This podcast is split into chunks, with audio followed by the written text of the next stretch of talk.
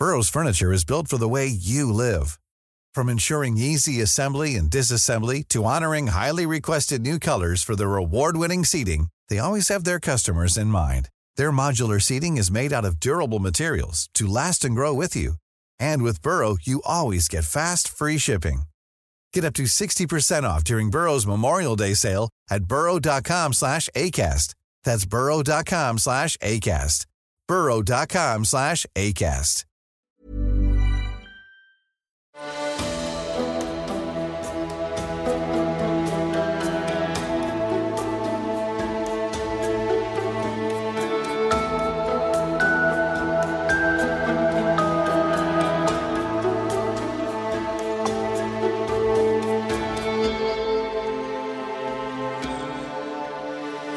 Velkommen til Seriemorderpodden, podkasten dedikert til seriemordere. Hvem de var, hva de gjorde og hvordan. Jeg heter Thomas Rosseland Wiborg Tune, og i kveld tar vi for oss en fersk seriemordersak som angår en av de seriemorderne som først fanget undertegnedes interesse for svært mange år siden. Seriemordere i massemedia er som oftest noen få utvalgte som av ulike årsaker blir å anse som mørke superstjerner. Av den grunn er det vanlig å tro at de aller fleste seriemordere finnes i USA. De av mine lyttere som er kjent med min engelskspråklige podkast, vil være godt kjent med at dette overhodet ikke er tilfellet. Det finnes ikke noe særlig flere seriemordere i USA enn i for eksempel Russland.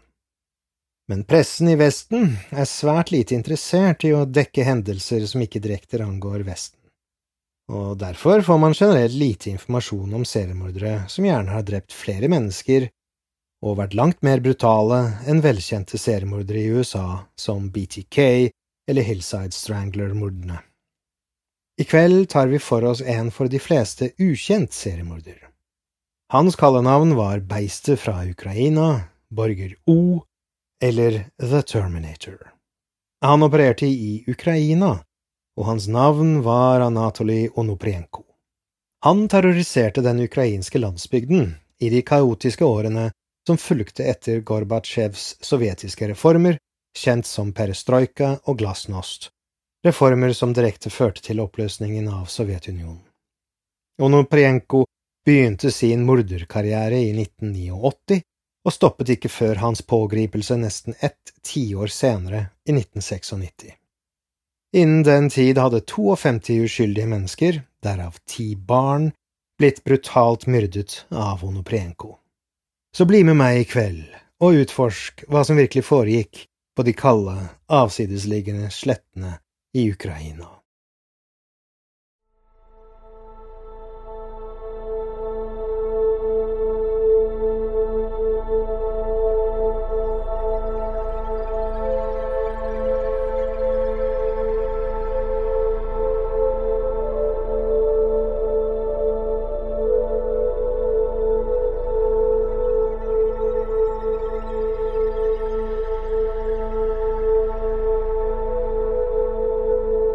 Sin bok In Cold Blood, utgitt på norsk som Med kaldt blod, beskrev Truman Capote landsbygden til de slaktede ofrene for forbrytelsen i boken som å ligge på de høye hveteslettene i vestlige Kansas, et ensomt område lokalkjent som Der ute.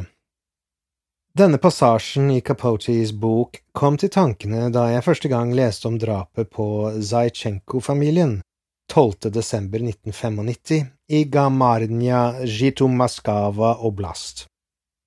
Det er en liten landsby omtrent 150 kilometer nordvest for Kyiv, dagens hovedstad i Ukraina. Familien bodde i utkanten av denne lille landsbyen, og det var ingen vitner i nærheten som kunne rapportere hva som skjedde. Familien ble drept om natten, i sitt eget hjem. Faren var drept først, så moren, og til slutt de to spedbarnssønnene. Den ene var bare tre måneder gammel.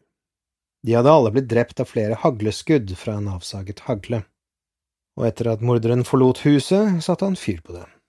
Tanken til morderen var å brenne eventuelt etterlatte bevis. Denne metoden var Anatolij Onoprienkos vanlige modus operandi, og Zajtsjenko-familien var bare en av ni familier som tålte en slik prøvelse. Så la oss ta en nærmere titt på hvem denne Onoprienko var. Anatolij Onoprenko, hjemmehørende i Laski i Zjitomirskaja oblast-distriktet i Ukraina, ble født i 1959. Den gang var Ukraina en del av Unionen av sosialistiske rådsrepublikker, bedre kjent som Sovjetunionen. Som en god del seriemordere ble Anatolij Onoprenko plassert på et barnehjem etter morens død i en veldig tidlig alder, bare ett år gammel. Mens Anatolij ble fraktet vekk fra familiehjemmet, ble en eldre bror værende hjemme hos faren. Konsensus blant psykiatere er at Onoprienko utviklet et dypt glødende hat mot alle familier som et resultat av dette. Lite er kjent om hans oppvekst og liv på barnehjemmet, men det er alminnelig kjent at barnehjem i de fattige områdene av Sovjetunionen, slik oblastdistriktet i Ukraina med all sannsynlighet kan sies å være, var harde og brutale. Med ordene til en anonym innvandrer fra Sovjetunionen, nå bosatt i USA, siterer jeg. Det er ekstremt underbemannet på et barnehjem. Dette er noe vanlig i alle land. Det er ingen tilsyn og ingen sikkerhet. De eldre studentene eller barna blir tyranner. Det er ikke uvanlig at de eldre barna voldtar eller misbruker de yngre barna. Det er bare hverdagen der. Du bekymrer deg for mat, du bekymrer deg for å bli slått eller voldtatt. Det er ikke et sted du kan vokse opp. Det er et sted for ren tortur. Sitat. Som med mange foreldreløse barn i det tidligere Sovjetunionen var livet hardt for unge Anatoly, og enten han ble født med psykopatiske tendenser, eller han ble hjerneskadet, led av schizofreni eller rett og slett ble mentalt ødelagt fra et liv på et sadistisk barnehjem, han startet ikke livet som kriminell. Det er sparsomt med opptegnelser om hans tidlige liv men de fleste kilder er enige om at han startet livet som både sjømann og i skogbruksnæringen. Ifølge senere intervjuer og avhør var Onoprenko også i stor grad selvforsynt. Han jaktet ville dyr for mat, og hadde lært å finne mat og næring i naturen. Da han ble 17 år, ble han sjømann, og han møtte sin fremtidige kone. På hans sjøreiser ble hans brutale voldsfantasier utformet. Onoprienko selv hevder at han ikke har blitt en morder av egen fri vilje. Jeg siterer. Jeg har blitt valgt til å utføre et oppdrag. På en måte føler jeg meg beslektet med Messir, helten fra den russiske forfatteren Bulgakovs bok. Han var ond, og det er jeg også. Jeg gjorde det jeg måtte gjøre, drepe mennesker. Jeg skylder ikke mer forklaring til mine ofre, deres familier og politiet. Sitat slutt. Han hevder også at han snakket med Hitler en gang, og at han rådet ham til å sette i gang en ny verdenskrig. Livet var vanskelig, og penger og ressurser vanskelig å få tak i. Etter et liv med motgang og økende mentale problemer endret Onoprienko sin og Ukrainas historie for alltid en natt i juni 1989. Et ungt par, og jeg klarte dessverre ikke å finne navnene på det uheldige paret, sto ved motorveien. Ladaen deres hadde brutt sammen, og de diskuterte sannsynligvis hva de skulle gjøre. Onoprienko kom over dem ved en tilfeldighet i sin egen bil. Han passerte dem, stoppet, rygget bilen og gikk ut. Da han nærmet seg, smilte paret sannsynligvis og tenkte at han var der for å hjelpe til med Ladaen deres. Imidlertid må smilene deres ha forsvunnet da den magre og grove Anatoli produserte haglen sin. Uten å snakke skjøt han dem ned. På grunn av mangelen på detaljerte bevis er lite kjent om de ble overlatt til å blø ut, eller om de døde umiddelbart. Det som er kjent, er hva Anatoli hadde å si om sitt første drap. Jeg siterer. Jeg skjøt dem. Det er ikke det at det ga meg glede, men jeg kjente denne trangen. Fra da av var det nesten som et spill fra verdensrommet. Sitat slutt. Etter det første dobbeltmordet slo Noprienko seg sammen med en annen kriminell ved navn eh, Zerhiv Rogozin. De første drapene var tilsynelatende, i det minste fra Rogozins side, motivert av enkel grådighet. En natt, mens de ranet et bortgjemt hjem utenfor byen, oppdaget eierne de to inntrengerne. Bevæpnet med våpen de bar for selvforsvar, følte de to at det å drepe familien var nødvendig for å sikre seg frihet. Derfor, ved å dekke over sporene sine, myrdet de hele familien. To voksne og åtte barn. Onoprienko informerte etterforskerne om at han brøt alle bånd med Serhiv noen måneder senere. Umiddelbart etterpå skjøt og drepte han fem mennesker, inkludert en elleve år gammel gutt som sov i en bil. Så brente han kroppene deres. Igjen fortalte morderen selv villig vekk om detaljer. Jeg siterer. Jeg nærmet meg bilen bare for å rane den.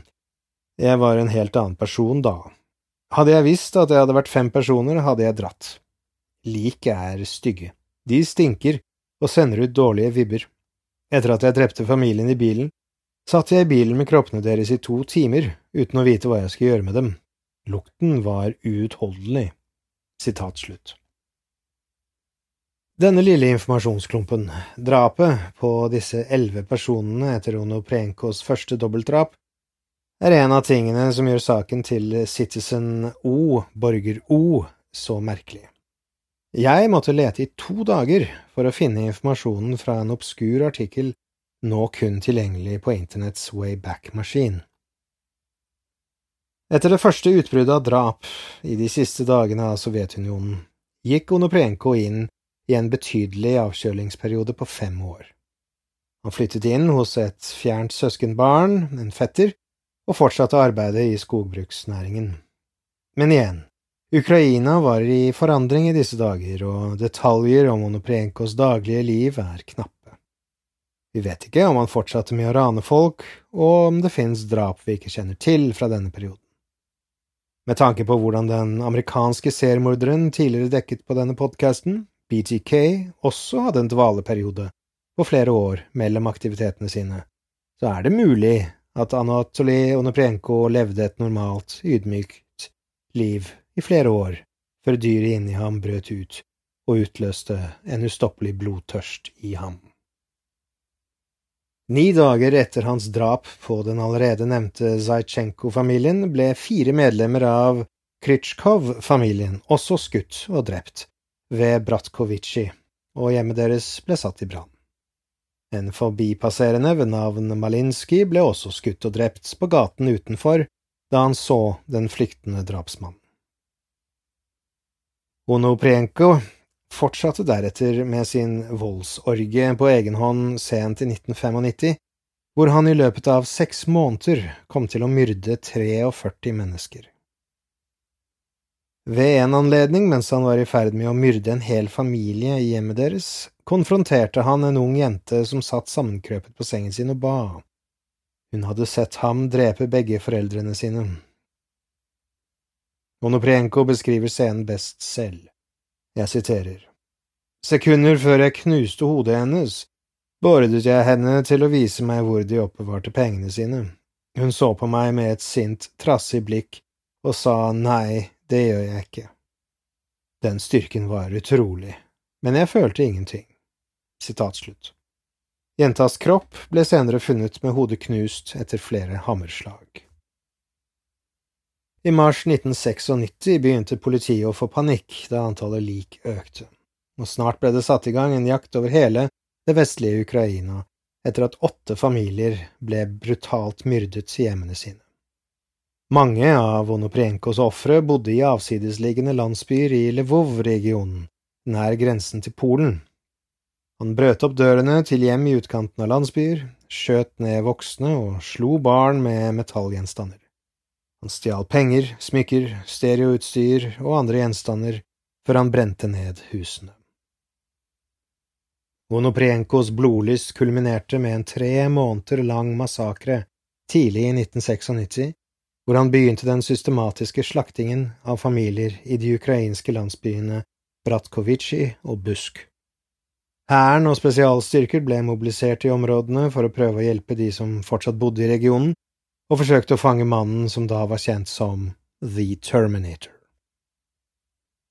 5. januar ble to forretningsmenn ved navn Odintsov og Dolinin skutt mens de satt i bilen sin utenfor Energodar, Zaporsjskaja oblast, og før natten var over, ble ytterligere to ofre drept ved, og her kommer et navn jeg sliter med å uttale, Vasiljevka Dnelprodorovnonj i nærheten, inkludert en fotgjenger ved navn Garmasha og en politimann ved navn Pybalko. Allerede dagen etter drepte han ytterligere fire personer i tre separate hendelser. Han hang i nærheten av motorveien Berdjansk Dnjapraskaja og bestemte seg for å stoppe biler og drepe sjåførene. Onoprienko uttalte at han skjøt i hjel tre reisende den dagen. Ofrene var en marine fenrik ved navn Kasai, en drosjesjåfør ved navn Savitski og en kolkosj-kokk ved navn Koch Jerina. Onoprienko returnerte til Bratkovici den 17. januar og brøt seg inn i et hjem eid av Pilat-familien. Jeg siterer igjen morderens ord. Jeg ser veldig enkelt på det. Som et dyr. Jeg så på situasjonen som et rovdyr, slik en rovdyr stirrer på en sau. Sitat slutt. Han skjøt fem i alt, inkludert en seks år gammel gutt. Etter drapet, like før daggry, satte han huset i brann før han dro. Mens han flyktet fra åstedet, ble han oppdaget av to vitner, en 27 år gammel kvinnelig jernbanearbeider ved navn Kondjela og en 56 år gammel mann ved navn Jakarko. Han kastet bort lite tid og skjøt dem begge til døde uten å nøle.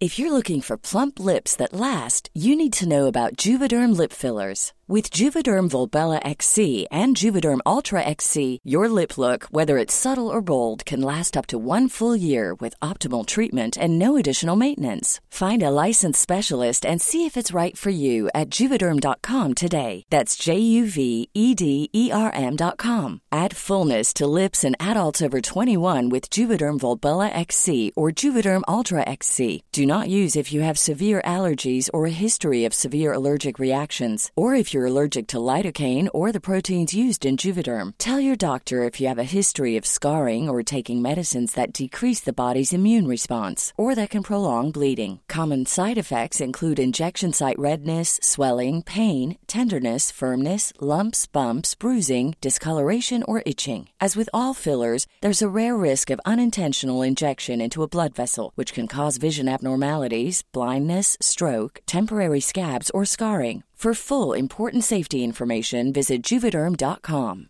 Everyone knows therapy is great for solving problems, but getting therapy has its own problems too, like finding the right therapist, fitting into their schedule, and of course, the cost.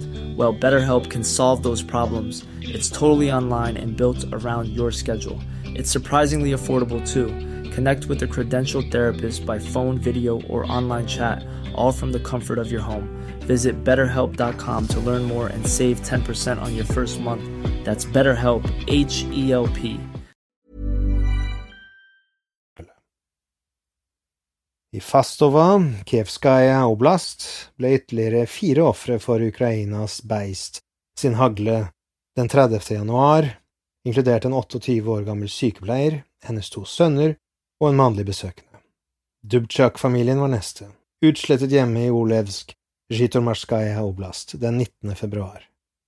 Faren og sønnen ble skutt i det angrepet, moren og datteren ble slått i hjel med en hammer. Bare en uke etterpå sa Onoprienko at han kjørte til Malina, i Livivskaja oblast-regionen, og brøt seg inn i Bodnarsjuk-familiens hjem. Han skjøt ektemannen og kona til døde og myrdet deretter deres to døtre på syv og åtte år. I stedet for å skyte de små barna, hugget han dem begge til døde med en øks.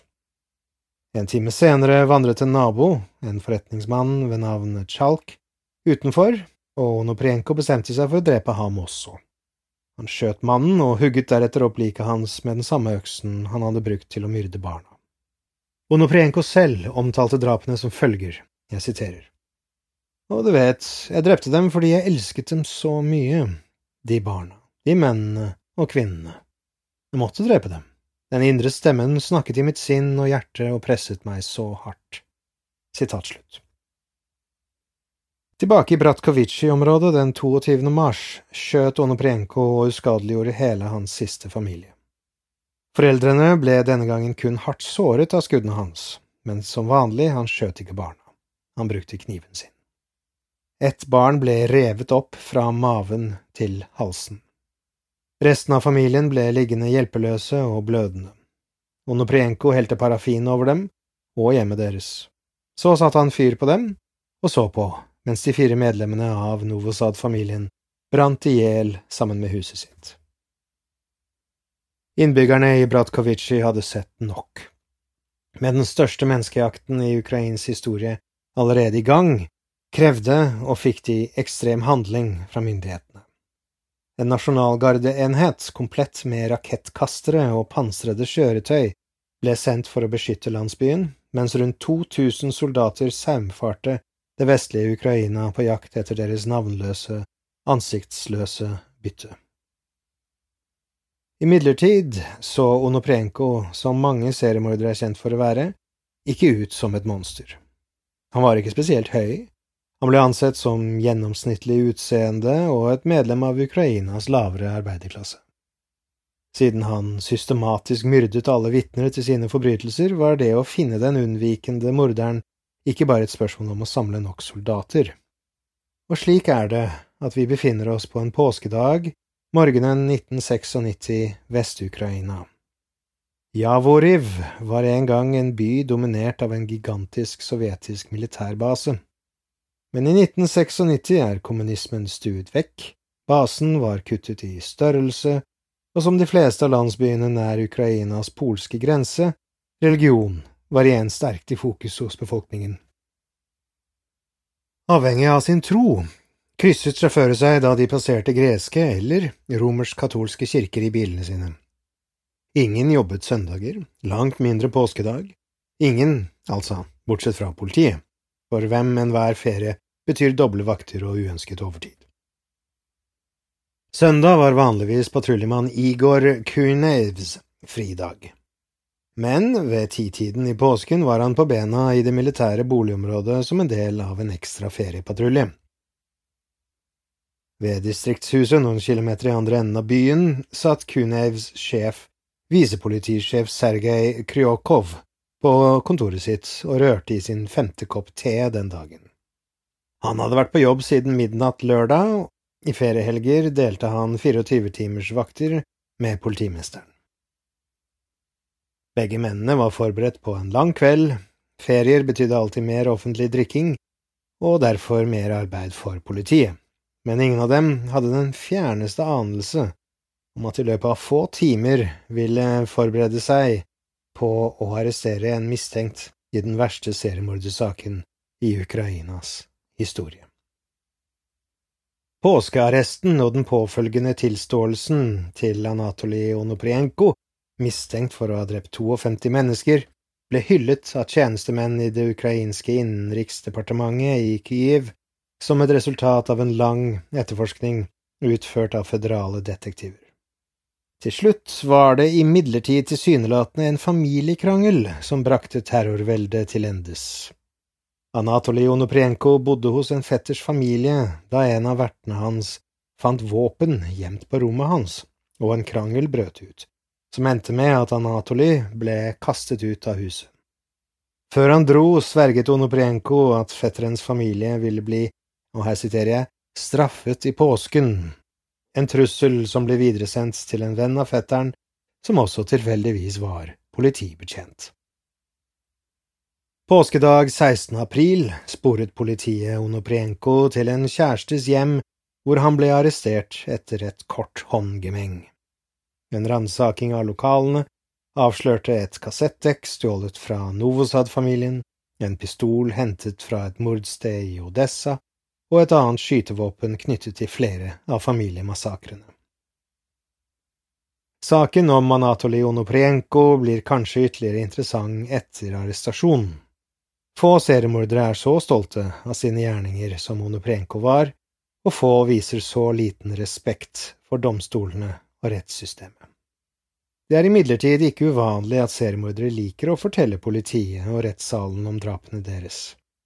Ved å gjøre dette kan de gjenoppleve forbrytelsen, og de fleste seriemordere er kroniske narsissistiske psykopater.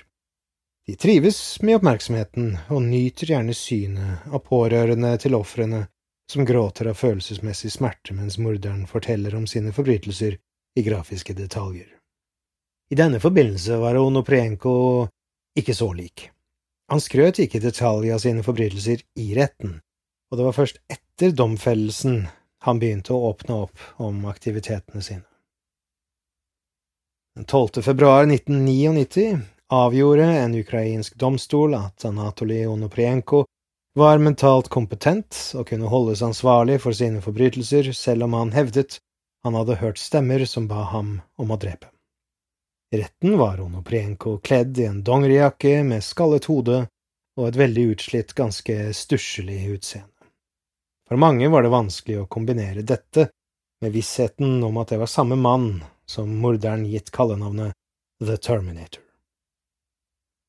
Han snakket sakte og rolig om mørke krefter som sto bak ham og oppfordret ham til å drepe. Onoprienko overrasket rettssalen ved å kreve å erstatte sin statsoppnevnte advokat, Ruslan Masjovskij, med en annen advokat som var, og her siterer jeg Onoprienko, minst 50 år gammel, jødisk eller halvjødisk, økonomisk uavhengig og har internasjonal erfaring. Sitat slutt. Da retten avslo forespørselen hans, nektet Onoprienko, som hadde vært samarbeidsvillig tidligere, å vitne videre. Han var innesperret i et metallbur under hele saksgangen. Anatolij Onoprienko sa at han ikke hadde noe å si om hans angivelige syv år lange drapsorgie, som førte til at minst 52 mennesker døde. Den siktede drapsmannen utstrålte arroganse og kjedsomhet gjennom hele høringen. På spørsmål om han ville komme med en uttalelse ved starten av rettssaken, trakk Onoprenko på skuldrene, ruslet sakte til mikrofonen og sa nei, ingenting. Informert om sin juridiske rett til å protestere mot rettsforhandlingene, knurret han, og jeg siterer, dette er din lov, jeg anser meg selv som et gissel. Sitat slutt. Da han ble bedt om å oppgi sin nasjonalitet, sa han ingen. Da dommer Dmitrij Lipskij sa at dette var umulig, himlet Onoprenko med øynene og svarte vel, ifølge politifolk er jeg ukrainsk. Onoprenkos holdning gjorde de hundrevis som satt sammen i den uoppvarmede rettssalen, sinte. Noen hadde reist hundrevis av kilometer for høringen.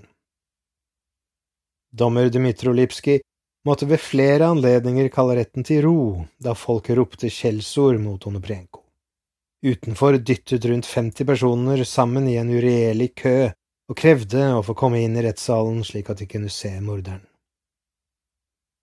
Politiet var redd for at folkemengden skulle ta loven i egne hender, så de ransaket poser og fikk alle til å gå gjennom en metalldetektor i flyplassstil.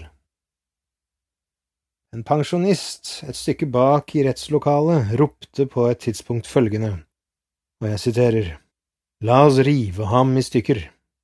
Han fortjener ikke å bli skutt, han trenger å dø en langsom og pinefull død. Sitat slutt. Andre mumlet enighet og sa at dyret burde tortureres. 64 år gamle Zinaida Müller sa følgende, jeg siterer, De burde kutte ham i filler, og deretter gni salt i sårene hans. Sitat slutt. Hun hadde reist 240 kilometer for å delta i rettssaken. Ikke alle vitnene som ble innkalt for å snakke, møtte opp på dagen som begynte med å se nærmere på drapet på de to første ofrene, en mann og en kone skutt og drept i juni 1989. Dommeren leste et telegram som sa at familieforholdene hadde forhindret slektninger til paret fra å delta. Aktor Juri Ignatenskij sa at uteblivelsen ikke ville skade saken hans. Offentlig press var høyt for at Onoprienko skulle dømmes til døden. Ukraina innførte et moratorium for dødsstraff året før, et krav for å bli medlem av Europarådet. Men president Leonid Kutsjma sa at han var villig til å appellere til rådet for å gi Ukraina et unntak og tillate henrettelse av Onoprienko. Den 3. mars 1999, etter mer enn 400 uttalelser og hundre bind med grufulle bevis ble Anatolij Onoprienko dømt til døden. Dommer Dmitro Lipskij sa til retten, og jeg siterer, Tråd med Ukrainas straffelov er Onoprienko dømt til dødsstraff ved skyting. Sitat slutt. Onoprienko sto med bøyd hode og stirret på gulvet i det låste metallburet da dommen ble kunngjort. Onoprienko har aldri uttrykt anger. Han sendte ut en pressemelding fra fengselscellen sin om at han hadde ønsket å holde verdensrekorden for drap. I tillegg sa han til en journalist at for ham var det å myrde som å gå på jakt, bare at istedenfor dyr jaktet han mennesker. Videre fortalte han journalisten følgende, og jeg siterer. Jeg ville sitte og kjede meg, uten å gjøre noe, og så plutselig ville denne ideen komme inn i hodet mitt. Jeg ville gjøre alt for å få den ut av tankene mine, men jeg kunne ikke. Den var sterkere enn meg. Så jeg ville sette meg i bilen eller ta et tog og gå ut for å drepe. Jeg er ikke en galning. Hvis jeg var det, ville jeg ha kastet meg over deg og drept deg akkurat her. Nei, det er ikke så enkelt. Jeg har blitt overtatt av en høyere kraft, noe telepatisk eller kosmisk som drev meg. For eksempel ønsket jeg å drepe min brors første kone, fordi jeg hatet henne. Jeg ønsket virkelig å drepe henne, men jeg kunne ikke, fordi jeg hadde ikke mottatt ordren. Jeg ventet på den hele tiden, men den kom aldri. Jeg er som en kanin i et laboratorium, en del av et eksperiment for å bevise at mennesket er i stand til å myrde og lære å leve med sine forbrytelser, for å vise at jeg kan takle, at jeg kan tåle hva som helst, glemme alt. Sitat slutt. Onoprienko insisterte på at han burde henrettes, og hevdet følgende med dette siste notoriske sitatet. Hvis jeg noen gang blir sluppet ut, vil jeg begynne å drepe igjen. Men denne gangen vil det bli verre. Ti ganger verre. Trangen er der. Grip denne sjansen, fordi jeg er formet for å tjene Satan. Etter det jeg har lært der ute, har jeg ingen konkurrenter innen mitt felt. Og hvis jeg ikke blir drept, vil jeg rømme fra dette fengselet, og det første jeg vil gjøre, er å finne Kutsjma, den ukrainske presidenten, og henge ham fra et tre ved testiklene hans. Sitat slutt. Selv om Onoprienkos dødsdom til slutt ble omgjort til livstid i fengsel, ender historien hans ganske antiklimaktisk. Onoprienko døde av noe så dagligdags som hjertesvikt i fengselet Zhytomyr den 27. august 2013 i en alder av 54. Even when we're on a budget, we still deserve nice things. Quince is a place to scoop up stunning high-end goods for 50 to 80% less than similar brands. They have buttery soft cashmere sweaters starting at $50, luxurious Italian leather bags, and so much more. Plus, Quince only works with factories that use safe, ethical, and responsible manufacturing. Get the high-end goods you'll love without the high price tag with Quince.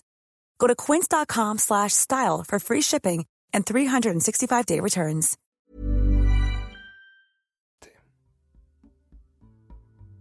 Og med det, kjære lytter, kommer vi til slutten av sagaen om Anatoli Onoprienko.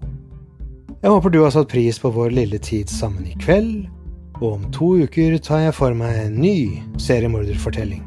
Så som de sier i Radioland, følg med.